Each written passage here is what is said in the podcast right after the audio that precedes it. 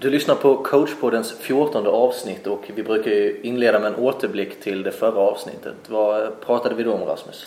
Ja, då pratade vi, huvudtemat var väl egentligen att prata om omställningar som är en stor del i, i fotbollen. Eh, man har ju försvarsspel och anfallsspel och sen däremellan är det ju omställning. Vi är lite självgoda så vi, vi tycker att vi fick ihop det ganska bra ändå eh, till slut. Ja, vi har ju lite lätt att sväva iväg, speciellt när vi inte har gäster. Men eh, jag tycker ändå vi, vi försökte hålla oss till ämnet så gott, det, så gott det gick. Det var ju ett litet avsnitt där vi eh, pratade om studierna där vi kanske blev lite eh, långdragna. Så att vi får väl eh, se till att eh, läsa oss in på de här studierna lite vassare eh, kommande avsnitt. Absolut, det tycker jag. Vi, vi kör väl igång vårt 14 avsnitt. Absolut.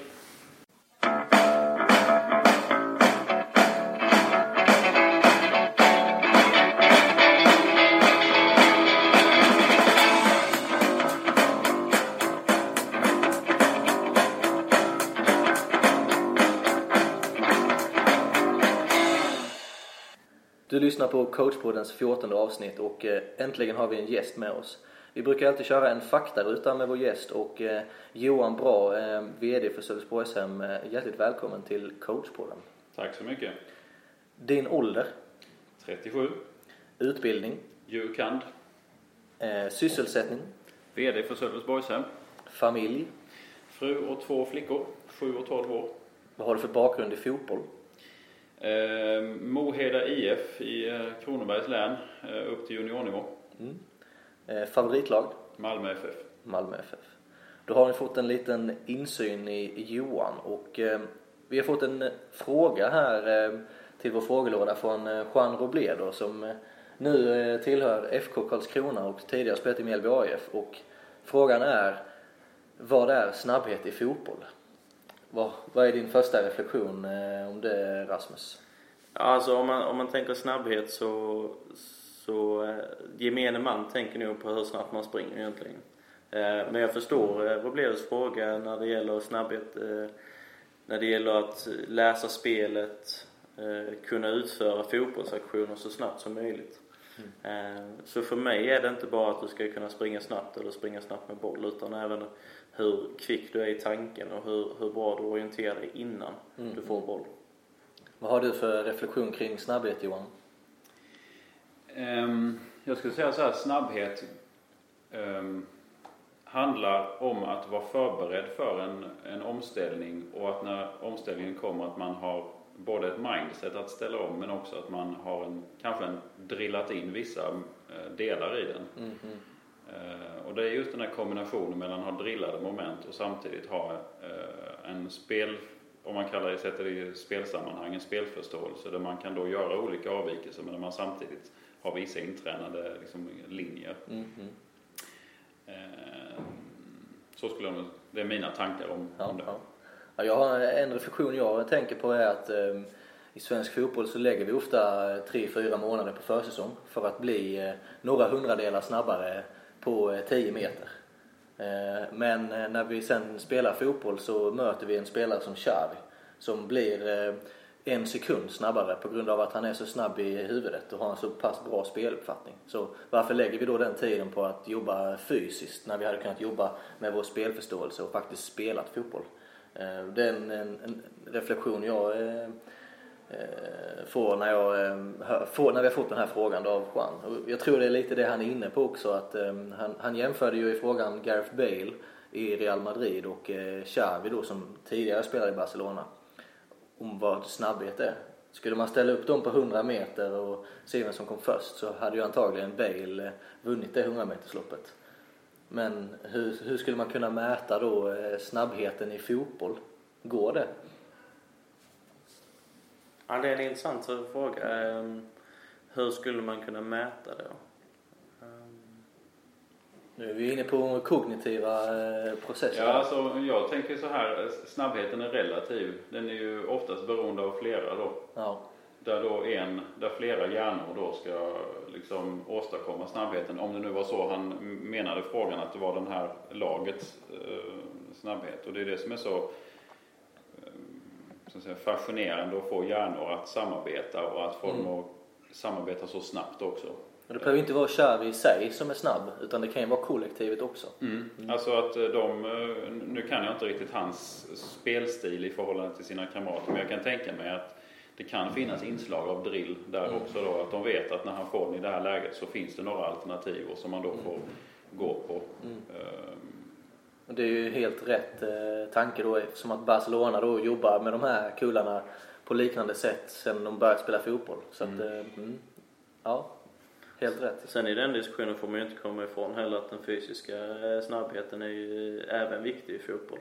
Så att man inte bara trycker på att ja men det Mm. gäller bara att vara snabb i tanken så löser sig allt. Utan bygger du ett lag så är det ing- ingen nackdel att ha spelare som kan slå sin motståndare och vara explosiva också. Nej. Så att vi ska inte heller bara gå in och säga att Xavi är snabbare. Ja, precis. Men eh, då blir ju inte heller, eh, ni som lyssnar ska ju inte heller då ut och köra snabbhetsträning med era adepter utan då kanske ni ska spela fotboll ändå Absolut, för att, absolut. för att exempelvis då tempoväxla efter en, en, alltså ett väggspel och sen göra tempoväxling efter passning.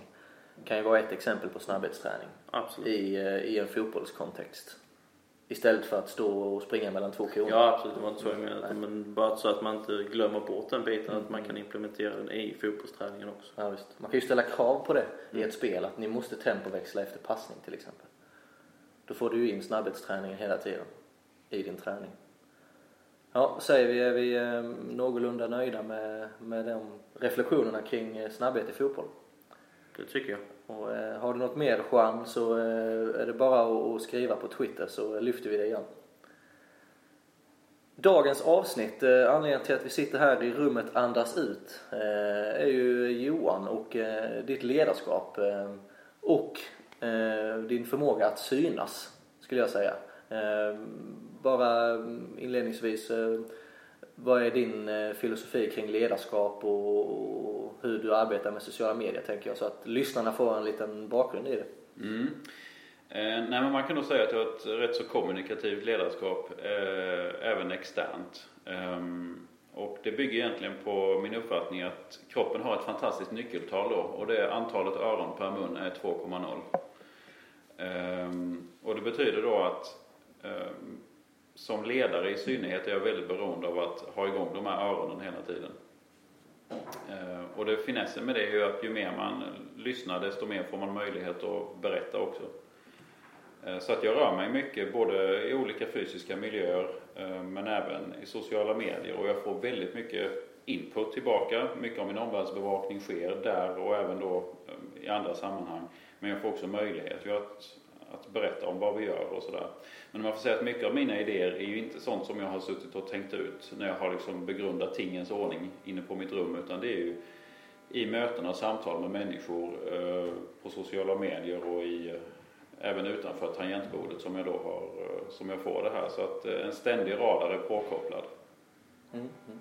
Nyligen så syntes du i, i bland annat BLT om eh, att du har ställt ut ditt kontor. Eh, vad, är grunden till det? Mm. Eh, jag har numera då inget eget kontorsrum eh, utan eh, det jag har är min laptop och min telefon och det är det hela. Jag kan sitta um, ute i våra områden. Jag kan sitta på Ritz eller på Kikis Corner men till största delen kommer jag såklart att vara inom företaget ändå. Och allra mest i rådhuset. Men jag behöver inget eget rum. Utan det, det utrymmet som jag hade innan det ska användas till ja, grupparbeten och sådana saker. Eh, idén bygger på egentligen två saker. Det ena är då det här att jag rör på mig väldigt mycket och ehm, eh, så att säga, jag var ganska krass. Behöver jag ett rum egentligen eller kan rummet användas till bättre saker? Eh, och det andra är en symbolhandling. För jag vill att vi ska gå över till mer till att vara mer framåtlutad dynamisk organisation där vi ständigt rör oss framåt.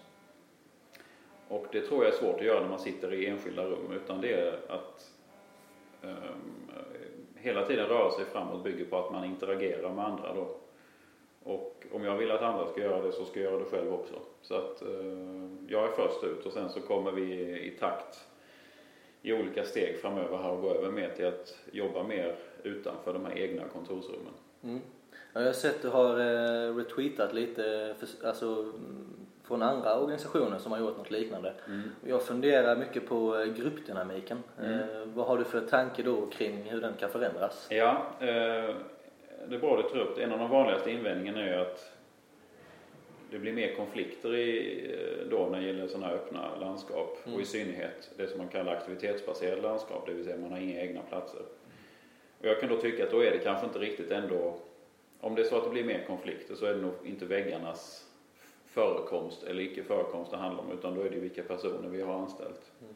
Så jag tycker grundkravet är att man ska klara det. Sen förstår jag att det finns vissa situationer där man måste koncentrera sig riktigt ordentligt. Det kan vara när man jobbar med en anbudsförfrågan till exempel och lämna in ett anbud. Det är klart det kräver en hög grad av koncentration och då ska det ju finnas rum att stänga in sig och göra det. Men ingen äger rummet. Och det ska vara clean desk som det heter när dagen är slut. Mm. Eh, Men sen tänker jag så här att mycket i ett lag, som ju ett företag är, handlar om att eh, få varandra att växa. Och det är svårt att göra det på ett planerat sätt. Eh, för sitter jag inne i mitt rum så hör jag inte ett dugg vad som händer i rummet intill. Men sitter vi i samma miljö och jag hör att du pratar med någon i telefon så kan jag säga, du jag hörde att du sa det, tänk på detta att, eller det slog mig att. Så de här oplanerade samtalen tror jag är, är viktiga för att skapa den här dynamiska och kreativa miljön. Mm. Men ställer, stor krav på vilka vi, ställer stora krav på vilka vi rekryterar. Mm. Jag tror det positiva med, med det ni håller på att jobba med nu också är att man, man träffar varandra mycket mer. Eh, och det får man inte glömma att det är väldigt viktigt också att ha den här personliga, alltså kunna gå förbi varandra och säga hej och, och prata med varandra och, och lyfta varandra på det sättet också. För det blir också en positiv förstärkning att medarbetarna ser mig att, att här finns jag och jag är duktig på det jag gör. Mm, och, och samtidigt som du säger då ha, ha den här coachen att eh, tänk på Mm, detta och, mm. och det skapar ju en miljö som är mycket bättre än att man sitter i ett rum och Mm. sju till fyra och sen går man hem och sen så har man inte träffat någon medarbetare. Mm. Ja, man träffas ju även i cellrum då så träffas man ju på fikarasten och när man kommer på att man behöver prata med någon kollega. Men de bästa idéerna och, och, och sakerna tror jag inte sker när man planerar för det. Utan det är liksom det oplanerade som skapar det kreativa. Så eh, det är mycket det jag tänker på. Mm. Du har ingen agil eh, approach då? Alltså ordet agil har jag flera gånger googlat för jag kommer aldrig ihåg vad det står för. Så nu får ni berätta för mig. Nej men det är väl att man planerar att komma på en ny idé skulle man kunna säga. Ja. Nej, alltså jag får säga att eh, de mest oväntade situationer så det finns situationer när jag känner yes nu ska jag få lyssna på detta. Som jag lyssnade på Richard Branson en gång tänkte, och jag har läst hans böcker och tänkte nu jävlar ska det hända grejer, nu ska jag få höra. Han var jättedålig. Han är en fantastisk entreprenör ändå men som föredragshållare var, gav det ingenting. Mer än att liksom befästa lite saker jag redan visste. Eh, Medan det finns andra situationer, ja jag får väl ta mig iväg på det här mötet och, och sådär. då. Ja. Och så dyker det upp kanske något samtal i en kaffepaus eller någon information man får höra där. Eh, som förra veckan, jag var på bara bordskamrat som berättade liksom om elbranschen i Sverige. Jätteintressanta saker. Eh, Så att det går inte att planera in att nu ska jag lära mig någonting här och nu ska jag berätta någonting här eh, i, i förväg utan det är ofta det oplanerade och då handlar det om att hela tiden röra på sig. Mm. Eh, det är fantastiskt spännande. Mm. Eh, så att det är en blandning av så att säga, innehåll, att ha den här radarn påkopplad men också att röra sig mycket ut och kommunicera då. Mm. Eh, men också en, en mycket stor symbolikhandling då. Mm. Jag tänker lite mm, det här med att alla rör sig eh, i samma ytor, att, att det kan minska hierarkin också i, eh, på någon, nå- i någon form. Alltså kommer man in i ett nytt lag som en junior så ser man ju upp till de äldre seniorerna och man får ju putsa skorna till eh, de seniorerna. Och, men jag tänker att den eh, kopplingen kan man göra till företag också. Mm. Eh, precis som du drog koppling till laget här innan. Ja, det skulle jag absolut säga. Alltså, man har ju ändå samma omklädningsrum och, och liksom, man ser ut som man gör. Och därmed så är, liksom, är det en hierarkidämpare medan man i, i kontorsmiljö då, åtminstone förr, hade mycket kontors eller rumsstorlek efter status. Och jag tycker det är väldigt skönt att slänga sån gammal ballast över bord. Mm. Det man ska säga man inte får med, det som ändå det som finns en brist med att lämna sitt rum, eh, det är ju det här när någon vill prata med mig ostört fast det inte ska synas. För så är det ju som chef, att ibland så vill någon prata med mig utan att de andra ser det. Det måste man förstå. Eh, och ska vi då gå in i ett speciellt mötesrum och prata om det så ser ju alla det då. Så att på så sätt, det är en, det är liksom en nackdel ska jag säga, men jag tycker den nackdelen får, det får det vara värt. Men man får ha med sig det.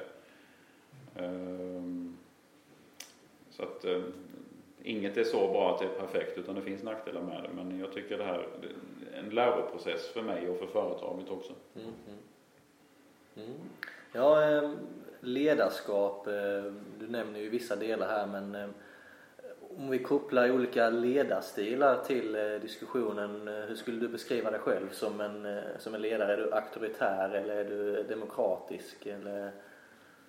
Ja, det där, för det första tror jag att jag är ständig rörelse i min ledarstil. Mm. Så jag tror att den ledarstil jag hade för fem år sedan ser jag väl tillbaka lite på nu och tycker ja, ja. Grabben hade jag nog tänkt då på samma sätt inser jag att om fem år kommer att se på samma sätt. Så jag vet inte om jag ens orkar lyssna på den här intervjun om fem år. För jag kommer att tycka det är så förnumstiga och pinsamma saker jag säger. Men där jag är nu så kan jag väl säga att jag är ganska krass. Eh, tar inte så mycket... Eh, jag är ganska... Ser ganska krasst på saker och ting fast jag sätter in dem i ett större sammanhang. Om en förändring innebär att det kommer att bli jobbigt en tid så ser jag ganska krasst på det, att det får det vara värt det då. Ehm. Sen får man väl säga att jag, mitt ledarskap går ut mycket på att sätta in saker i ett större sammanhang. Ehm. Och det tycker jag är en ganska viktig del för att skapa en anda. Den här andan att vi är på väg någonstans, vi gör någonting som fyller en lite högre mening för samhället. Vi kanske till och med ligger i frontlinjen. Vi gör flera saker nu som gör att vi ligger i frontlinjen. Eh, och den, den här känslan av att vi gör någonting som är gott på en högre nivå och vi testar nya saker och vi ligger i frontlinjen. Ehm, det tycker jag är spännande. Det som det innebär också är att för mig som ledare innebär att jag i stor utsträckning har initiativen för de stora dragen. Sen är det mitt ansvar att förankra dem uppåt och neråt på ett klokt sätt. Så att man kör inga solo-race. Men man kan säga att mycket ansvar ligger på att jag då håller mig ajour eh, om mycket och kan eh, ange, ska vi säga, huvudsakliga inriktningar. Däremot petar jag sällan i speciellt mycket detaljer. Det kan vara enstaka detaljer men annars har jag ganska lätt för att ange huvudsakliga dragen och eh, sen släppa det, följa upp lite ibland och sådär. Mm. Så skulle jag nog säga. Um, mm. Sen behöver man ju alltid saker man behöver bli bättre på. Jag tänker på ibland att uh, något jag fascineras av när det gäller idrotten så är det den direkta feedbacken som man är så oerhört duktig på där. Och det kan jag tycka att vi i det civila arbetslivet bör bli bättre på. Vi kan säga jättebra när någon kommer in med ett papper som är den enklaste sak. Det är väl inte jättebra, det är, man kan säga tack. Men man ska säga jättebra när någon har gjort något utöver det vanliga, men då är man kanske mer försiktig med det. Eh, av någon anledning, att man är lite blyg kanske att säga det eller att man inte vill framhäva någon annan inför andra. Samma sak när någonting behöver bli bättre så är vi i svenskt arbetsliv ganska vi är också väldigt försiktiga och det läste jag någonstans att det är svårt att ta sig in i svenskt arbetsliv för att saker sägs inte, de är outtalade. Så när chefen ger feedback i Sverige så gör man ju inte så mycket med uttalad feedback utan förutom medarbetarsamtalet utan det är liksom underförstådda budskap och det är ganska svårt att ta sig in i. Mm. Så det kan jag, jag själv, men jag tycker också att kanske fler skulle behöva bli bättre på den här direkta feedbacken. Som man ger och som samtidigt är en del i att skapa en vinnarkänsla. Mm. För vi är oftast rädda för att ge negativ feedback. Eh, därför att någon ska ta illa vid sig. Men inom idrotten så ger man negativ feedback men lyckas på något sätt ändå projicera det på ett sätt så att det liksom genererar någon slags vinnarkultur ändå. Mm, mm. Mm. Intressanta tankar. Feedback, är vi bra på det Rasmus? Ja men det tycker jag. Vi har jobbat mycket med det eh, och som, som du säger det här med direkta feedbacken är ju, är ju väldigt central inom, inom fotbollen eller idrotten i, i stort. Ehm. Känner ni när ni ger feedback att, att ni håller igen därför att av det skäl som jag beskrev här? Eller pangar man på med för att det ligger liksom en, det är en accepterad liksom ledarstil att göra det. Jag tror att eh, det är så att vi pangar på ganska mycket eh, just för att det är en sån kultur där, där det är kanske lättare att ge direkt feedback för att Mm. det är en situation man, man är tydligare med den här övningen ska vi träna på detta och gör de då det rätt så liksom eh, jag tror det blir lite svårare som du förklarar i civila liksom att få, den här direkta feedbacken för att eh, har vi ordnat det är exakt det här du ska göra Mm. blir det då liksom kan man ge direkt feedback tycker jag och i och med att den här kulturen i Sverige som du beskriver finns att direkt feedback tar man det nästan lite ironiskt som arbetare, jättebra. Mm. Blir man, Mm. ja, varför sa han det? Mm. Alltså den här känslan att, att det, säger du inget så är det nästan bättre för då vet jag. Utan när du väl säger något så är det något negativt inom Mm. företaget. Eller jag vet inte Mm. hur. Ja, hur det, det. just det där med att säga inget så är det bra. Det försöker jag undvika också för att eh, man behöver ju positiv feedback. Så är det ju. Det behöver, jag, menar, det behöver jag med. Ehm, ehm, så att det försöker jag bli bra på. Jag försöker också ge feedback som att är, ska säga, ganska kvalitativ. Att jag tycker att våra samtal, kan jag säga till någon, jag tycker att de samtalen du och jag har är bra därför att du gör si, du gör så. Eh, så. Eh, Men däremot, så jag säga, den här direkta feedbacken när man liksom säger Gör inte så, gör så här, eller gör så här så gör du det bättre och sådär. Det är vi ändå ganska försiktiga med. Det, och det liksom fascinerar mig varför vi är Alltså om man ser till exempel avbytarbänken på, eller i båset på hockeylag, det är ju väldigt vad det liksom coachas och, och eldas på där. Nu är det ju vinnarskallar rätt igenom på elitserienivå, men tar man era spelare så är det ju ändå ganska det är ju inte liksom så utpräglade vinnarskallar kan jag tänka mig ändå, utan det är mer blandat. Så där är egentligen er, er nivå är egentligen intressantare för min fråga än för elitserien. För elitserien är bara vinnarskallar och det, så ska det vara. Men ni måste ju kunna ge feedback. Vi skolas ju in i det Ja. eh, i tränarutbildningen skulle jag säga. Alltså, vi har ju olika metoder för att ge feedback. Ehm, Till exempel, Till ja. exempel då, vi får ju ofta höra att eh, ja, men bra skott, ja men vad var bra? Mm. Alltså, man ska vara, man ska vara eh, detaljerad i sin feedback. Nu har du bra pendling i ditt tillslag, Mm. fantastiskt liksom. Eller då som vi har jobbat mycket tycker jag att vi fryser, går in och visar igen. Det här var klockrent, det är så vi ska göra. Om vi till exempel jobbar med försvarsspel, press och täckning Mm. och så gör de precis som vi är ute efter. Stopp, stopp, stopp, stopp. Mm. Kolla här, det är precis så här vi ska göra. Det tycker jag är Skitbra. jättebra. Ja. Istället för att höra det efteråt. Att när det, de flesta minns inte just det momentet. Nej, men den där frysningen tycker jag är jättebra. Så och det ju skulle, man egentligen, skulle jag egentligen ta med mig också sådär på ett arbetsmöte. Stopp, stopp, nu fryser vi här. Ja, det blir ju en, en ny... Ja, precis. Vad händer nu? Men nej, ja. Nej, det. Varför inte? Finns det fler eh, liksom feedbackmetoder? Eh, Men eh, en annan, alltså det blir ju egentligen att hur man jobbar, alltså inlärningsmetod. Men en som blir nästan lite självförstärkande det är ju det här nya kan man väl säga i Sverige, det är guided discovery. Där Mm. du ställer frågan, känns det här bra? Nej, vad kan du göra annorlunda? Så får de komma fram till slutsatsen. Eh, ja men om jag ställer mig här så är jag bättre passningsalternativ. Mm. Bra. För då känner man att då fick de lösa uppgiften själv och du leder dem egentligen in. Känner man det så? Känner man inte det som att shit, nu är jag lite under ett förhör här, nu gäller det att svara rätt? Ja, jag, jag, Blev detta bra tycker du? Nej, Nej, men jag jag- inte ställa frågan så Nej. Nej men Nej. alltså. Eh, Jag gjorde det i måndags. Eh, Mm. Vad skulle du kunna stå för att bli spelbar? Mm. Så ingen negativ eh, i- Mm. klang i det. Och så flyttade hon sig. Ja, perfekt. Nu är du spelbar. Eh, då, visst, man får ju ändå liksom, ja men nu står jag fel. Mm. Men det blir ändå hon som, ja men jag är ju inte spelbar. Så får man ju flytta sig. Mm. Ja, Mm. bra. Så där är väl också eh, Mm. Mm. eh, just att man får komma på det själv tror jag. Alltså det blir ju en positiv förstärkning. Man känner det här, det här klarade jag själv. Mm. Eh, och speciellt i, jag tror, yngre åldrar i fotbollen är det ju speciellt viktigt. Mm. Men även om de kommer- upp i seniorfotbollen att ja, men det här löste jag Mm. själv. Och då blir man, Det man, det man vill tvätta bort med Guide och Discovery är ju att jag hela tiden säger till dig vad du ska göra. Mm. Så du aldrig får tänka själv. Nej, det där är jätteviktigt att man skapar en kultur av att tänka själv och inte så att säga att det finns en, skapar en rädsla för att göra fel. Mm. Ehm, och därför kan jag säga att jag är ganska glad. Jag hör ibland saker som när folk har gjort någonting utan att jag varit inblandad utan jag kanske, nej men jättebra. Och jag kan känna skönt att de inte ens frågade. Mm. För det, det, var på den nivån att man inte skulle fråga. Mm.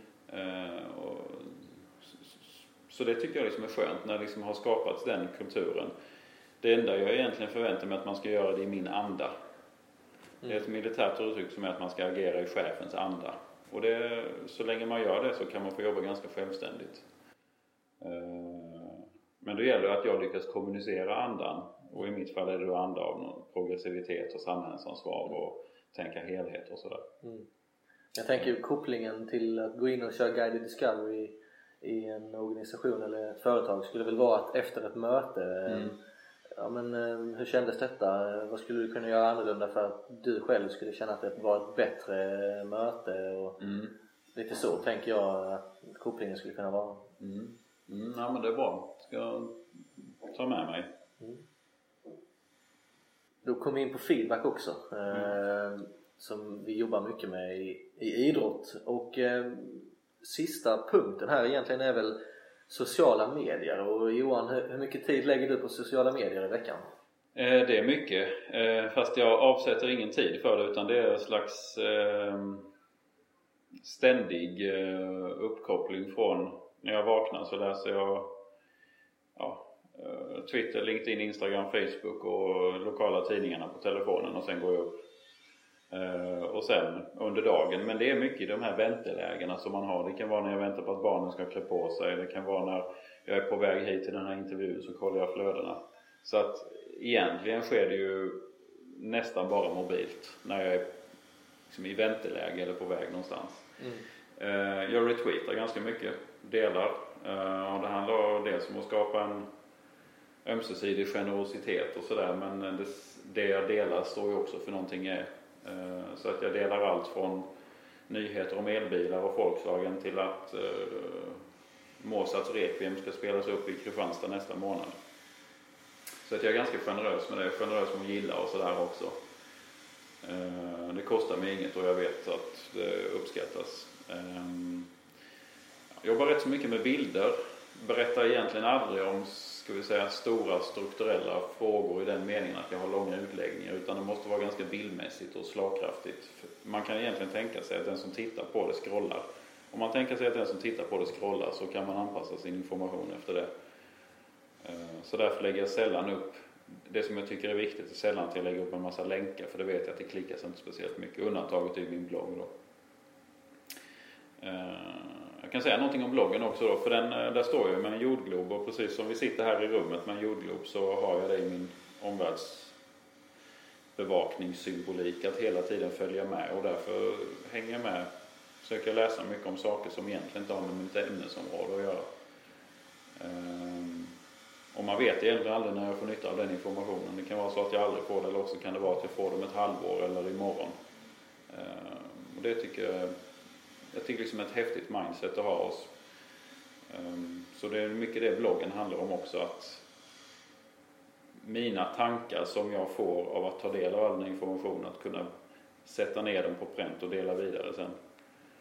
Ehm, och kanske på ett lite mer intellektuellt sätt än många andra bloggare. Så att jag bryr mig inte så mycket om antalet läsare och sådär utan jag tycker det är roligt att få ha den mer intellektuella touchen då. Mm. Jag frågar, vad får ni, om ni ska gå in på feedback och sociala medier, vad får, vad, får, vad får du för intryck av det jag håller på med? Du, du är utanför och jag är innanför så jag har ju min bild, men vad ser du att jag gör? Vad liksom, om vi nu får lite feedback här. Um, jag tycker att du syns, eh, det syns väldigt mycket vad du gör ja. och eh, vad du är. vad gör jag och vad är jag då? Ja, du jobbar. Ja. Eh, och du är väldigt insatt i, eh, i det du gör. Eh, jag tycker att miljöstrategin mm. framhävs väldigt tydligt. Ja, bra. Ja, ni kör elbilar, du tar cykeln till jobbet ja. och de delarna. Mm. Mm. Sen tycker jag det är spännande och som i morse får man en bild när det arbetas liksom, och sen så står det bara någon liten kommentar. Då ser man att ja men här händer det någonting mm. faktiskt. Mm. Och hela organisationen eller företaget eh, syns ju på ett bra sätt tycker jag. Mm. Eh, det är väl mina reflektioner mm. om det. Ja. ja, men det är bra. Mm. så att eh, det har egentligen revolutionerat hela ens arbetssätt det här med sociala medier. Jag började med Facebook ganska sent, det var väl 2010 och Twitter 2011. Och nu är det ganska, för mig, är det ju, man undrar liksom vad fick, all informa, vad fick man information från förr? Um, ehm, så ta det här nu till exempel med små lägenheter som vi ska bygga så är det ett tydligt resultat av att man följer med i en aktuell debatt. Och det kanske inte resulterar, så att säga, lyssnar man på den här debatten och diskussionen eh, mellan bolag och bransch och hyresgästförening men även på politisk nivå så får man någon slags resonansbotten man bygger upp. Och när vi nu ska bygga små lägenheter så är det då kan man säga en, en, en, ett hopkok av en förväntan från Sölvesborgs kommun som äger oss. En intryck av folk jag har mött. Intryck också av från sociala medier och, och aktuell debatt och så resulterar det i det här små lägenheter. Och det är en analys vi har gjort tillsammans men jag tror att hade vi inte hållit på med den här aktiva omvärldsbevakningen så hade vi nog inte legat så långt framme, det skulle jag nog säga. Mm. Så det är väl ett konkret resultat på hur den här radarn liksom trattar ner i någonting. Men man kan aldrig riktigt veta när. Men helt plötsligt så kommer det. Mm. Um, så det är väldigt vitaliserande att ha en radar på sig. Mm. Ja, senast igår så var jag på eh, fortbildning med eh, tränare från eh, fotbollsgymnasier och eh, där kom det här fram med omvärldsanalysen. Mm. Frågan mm. ställdes då var eh, hur eh, ser omvärldsanalysen ut eh, som bakgrund till eh, arbetssättet? Mm. Och det, det, kunde de egentligen inte svara på. Och det kopplar jag här och tycker jag är mm. väldigt intressant att du är ju, du är ju verkligen online uppkopplad hela tiden mm. och, och, kan se, ja men nu kommer det något nytt. Men en nackdel i det kan ju vara att man är trendkänslig. Mm. Vad har du för tanke kring det? Ja, ja alltså risken är ju att man fångas lite i ett behov av att bli bekräftad i den, de miljöerna och därför fokuserar man nästan mer på att säga spektakulära saker och göra spektakulära saker. Men tittar man på vårt miljöarbete så är det ganska ospektakulärt egentligen. Bilar är ganska spektakulära men där är jag ganska krass. Det ska vara så mycket miljöeffekt som möjligt för pengarna och det innebär att vissa, ska vi säga, saker hade man kunnat göra som hade varit lite häftiga men som ger ganska begränsad miljöeffekt till en för stor kostnad. Då avstår man. Men det kan bli så att man fångas lite i det här bekräftelsesökandet och då ska göra sådana här eh, saker. Och jag har inget emot att andra gör det men eh, den här, ska vi säga att ändå se ganska småländskt på det. Hur får vi ut max eh, för olika saker? Eh, men det är ens någonting man får ha med sig att inte att säga, fångas i det bekräftelsesökandet och ha likes och retweets och sådär. Mm. Så att det styr för mycket av mitt beslutsfattande. För att även om det är viktiga miljöer att lyssna i så är det inte de, det är inte de etablerade sanningarna i just de miljöerna som, som är de allenarådande. Och det som är, blir en sanning på Twitter är inte nödvändigtvis det som är en sanning på, för oss. Exempel. Många säger då att det viktiga är inte att bygga små lägenheter utan det är att man får folk att flytta och därför ska det byggas stora lägenheter istället. Och det märker jag en ganska stor sanning på Twitter bland branschfolk och jag kan tänka mig att det stämmer i många situationer, kanske i storstäderna, vad vet jag. Jag kan inte bedöma det. Men för vår del kan vi ju när vi har sett detta då så har jag sagt till vår ekonom Fredrik, här är några som inte säger samma sak som vi. Låt oss inte avfärda det då utan låt oss nu borra i detta. Vad är det de säger? Bör vi... För varje organisation lyssnar ju efter indikatorer som, som visar att vi är på rätt spår. Men då försöker jag tänka, låt oss tänka läsa av indikatorer som visar något helt annat. Att vi inte är på rätt spår. Då kommer vi fram till att nej men beaktat hur Sölvesborgs lokala marknad ser ut så är det det här vi ska göra. Eh, och det vet, en del tycker väl att det är bra att vi gör det och en del tycker det är märkligt. Nej, ni ska inte bygga små lägenheter. Men vi gör det vi tror på men vi har ändå prövat motargumenten. Hade jag då inte funnits i de miljöerna alls så hade inte ens jag vet inte ens om idén om små lägenheter hade rört sig dit har kommit nu men jag vet heller inte om vi hade prövat motargumenten så noga heller. Mm. Så oftast uppfattar man sociala medier som ett sätt att nå ut med budskap men för mig skulle jag säga att förhållandet är kanske 1 till 5. Det är fem gånger viktigare att med omvärldsbevakningen och då tror jag lite i underkant känner jag ändå. Mm. Mm. Om vi drar kopplingen till eh, föreningar eller tränare vad skulle du se eh, som utvecklingspotential där med kopplingen då till sociala medier? Alltså det finns otroligt mycket saker att kommunicera i sociala medier som idrotten håller på med. Ehm, vinnarkänsla, även hur man hanterar förluster. Ehm, jag kanske tycker att det handlar mycket om när matcherna är klara. Mm. Men jag ser sällan eh, saker som kommuniceras om vad som pågår. Alltså, alltså det kommenteras ju mycket på, på elitnivå såklart, men tittar man på lägre nivå så kommenteras det inte så mycket. Så det hade varit eh, jag kan inte riktigt säga hur, men det hade varit spännande att kunna ta del av mer. Eh, sen tänker jag i övrigt på idrottens eh, ledarskap. Eh, jag vet inte hur mycket man sätter in saker i en större helhet där. Det är säkert väldigt skiftande från, eh, från tränare till tränare eller att man prövar nya saker och skapar den här liksom pionjärkänslan. Ibland kan jag få intrycket av att vissa delar av till exempel fotbollsbranschen i Sverige är en ganska liten krets. Och då blir det lite tokigt som att Anders Svensson får en bil men inte Therese Sjögran. Det är ett exempel på en organisation som har lite för mycket skygglappar. Mm.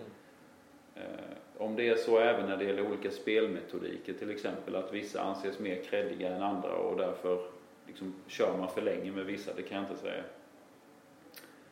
Eh, så att jag kan inte riktigt bedöma, men jag vet inte vad ni säger. Vågar man vara pionjär när det gäller nya sätt att coacha och lägga upp spel i Sverige?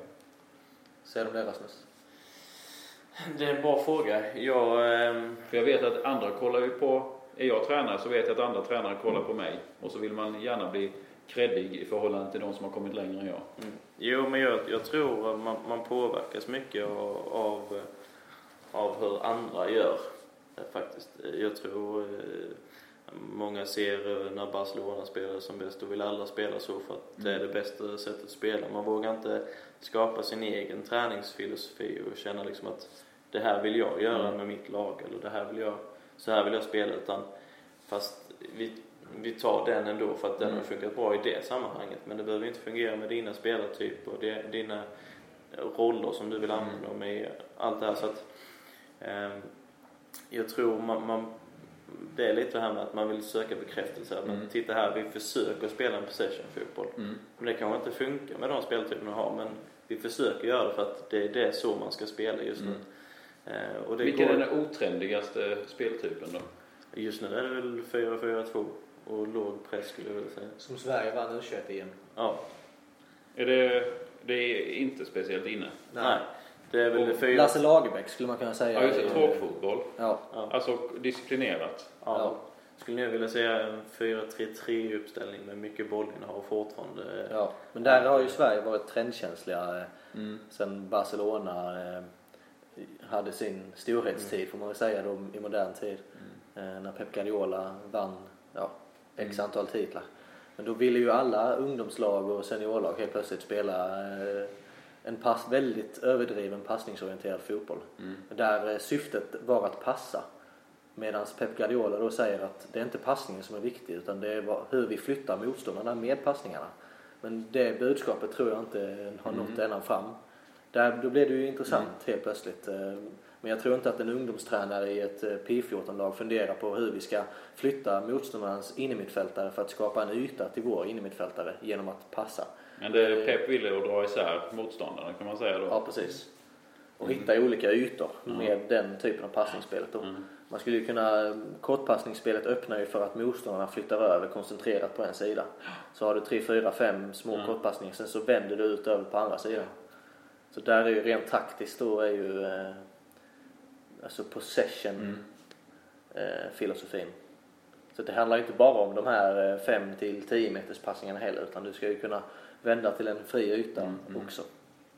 Men där tror jag att många lag i Sverige har fastnat i det. Eh, Vad, innebär, Även- hur, vad händer då när de fastnar i det?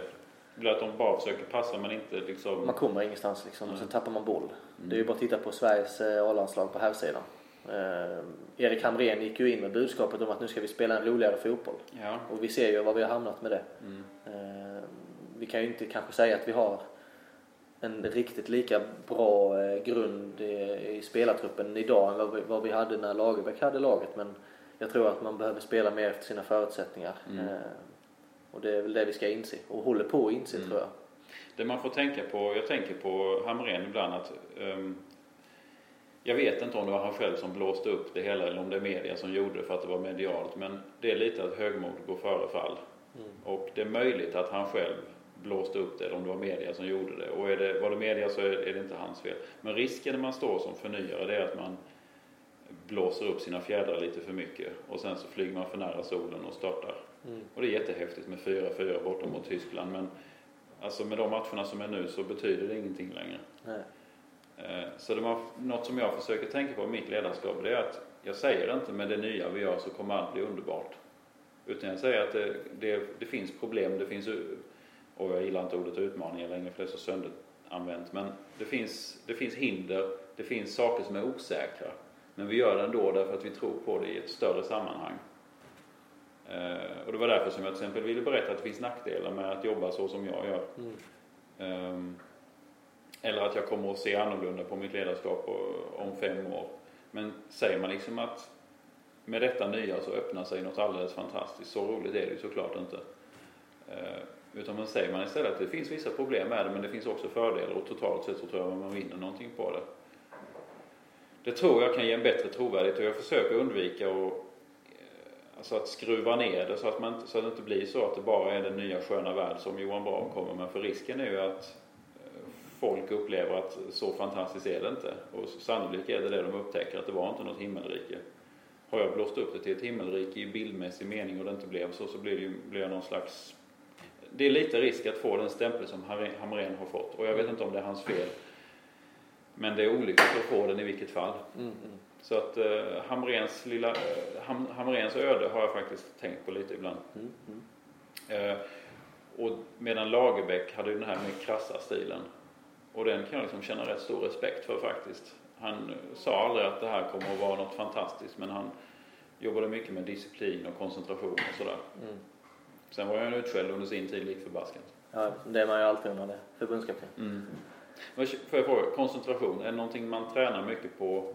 Jag kan liksom känna ibland, i synnerhet inom elitidrotten, att elitidrottarna är väldigt välbetalda, fotbollsspelare och hockeyspelare. Och jag kan ibland undra, vad är de sista 5-10 procenten koncentration som gör att ni inte lyckas få bollen i mål mer än noll eller en gång på en match?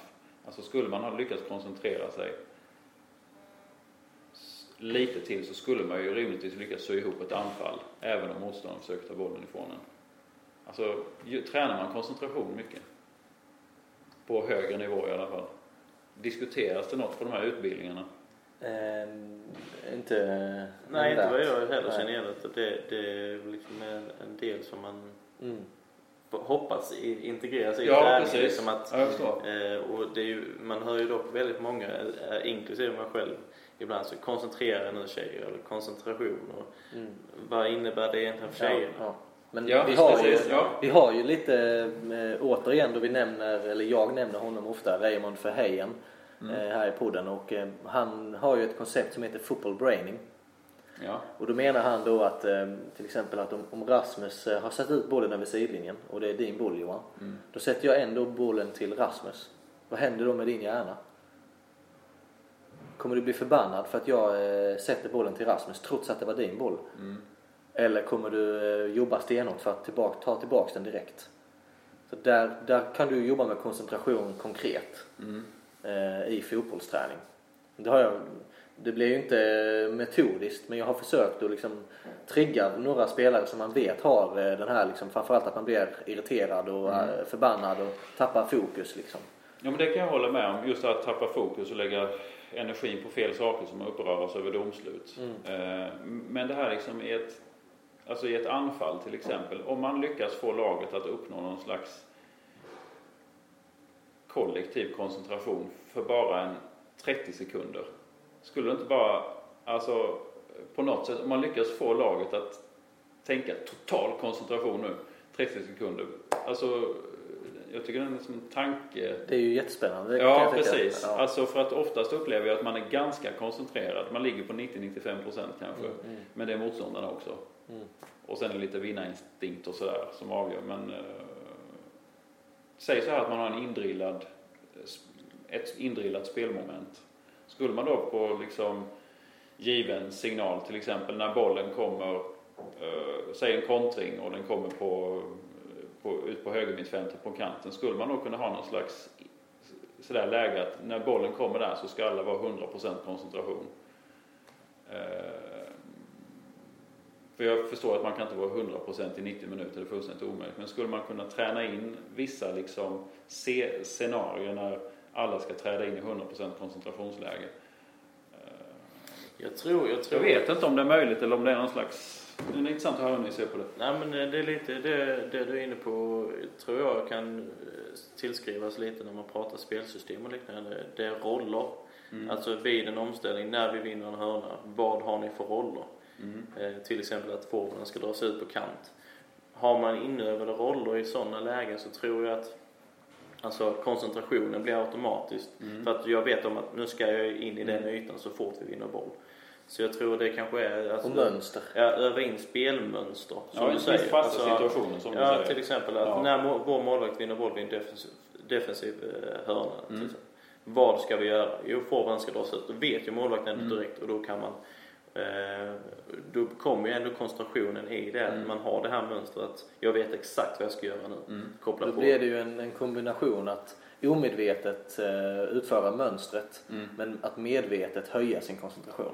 Jag tror det är jätteviktigt. Tittar man på det som ni tar upp, tittar man på till exempel försvaret, anledningen till att de drillar så mycket det är ju för att det är för krissituationer. Kris slash stresssituation. Och i en stresssituation tänker man inte alltid jätteklart. Men kan man då tänka sig att det här är en, man, målvakten eh, tar bollen efter en defensiv hörna. Det är en stresssituation. Det finns en möjlighet, alla jagar som fan tillbaka. Eh, vart är liksom lite mer diffust. Eh, men kan man då ha det här liksom att det finns ett indrillat mönster att ja, målvakten tog bollen, jag sticker direkt. Mm. Och då kan man då vila lite i det att man inte behöver tänka 100% koncentration, vad ska målvakten göra med bollen? Utan jag sticker för jag vet mm. att detta kan hända. Mm. Ehm, ja, det är spännande. En annan intressant sak, jag läste i forskning att anledningen till att människan eh, inte gillar förändringar, det är därför att hjärnan sparar energi på det sättet. Mm, alltså hjärnan klarar inte att ta emot intryck hela tiden, det kostar för mycket. Så det är en ren liksom, resurseffektivisering. Eh, och det tycker jag är nyttigt att ha med sig i förändringsarbete att avvog, eller så här, att man inte ropar ja till förändringar. De flesta kan nog leva både med och utan förändringarna. Men anledningen till att man inte ropar ja till dem det är liksom en, bland annat en del i hjärnan som, som måste spara energi. Eh, det tycker jag är rätt intressant. Mm. Så det får vi ta med oss när vi ska förändra Rasmus. Absolut. Med, eh, med de orden så eh, tycker jag att vi tackar dig Johan för att du ville vara med i coachpodden. Och Rasmus jag brukar ju ställa dig eh, på mållinjen här med att fråga vad vi ska göra nästa vecka. Men eh, vi, eh, vi hade ju egentligen utlovat anfallsspel och passningsspelsfokus detta avsnittet men den vi skulle haft förra veckan blev det då. Mm. Blev tyvärr sjuk. Så vi får återkomma med det och, och sen så har vi detta avsnittet som en liten ersättare kan man väl säga. Absolut. Så tack så mycket Johan. Tack själva, ett rent nöje. Vi, eh, vi hörs nästa vecka. Det gör vi. Ha det gott. Hej.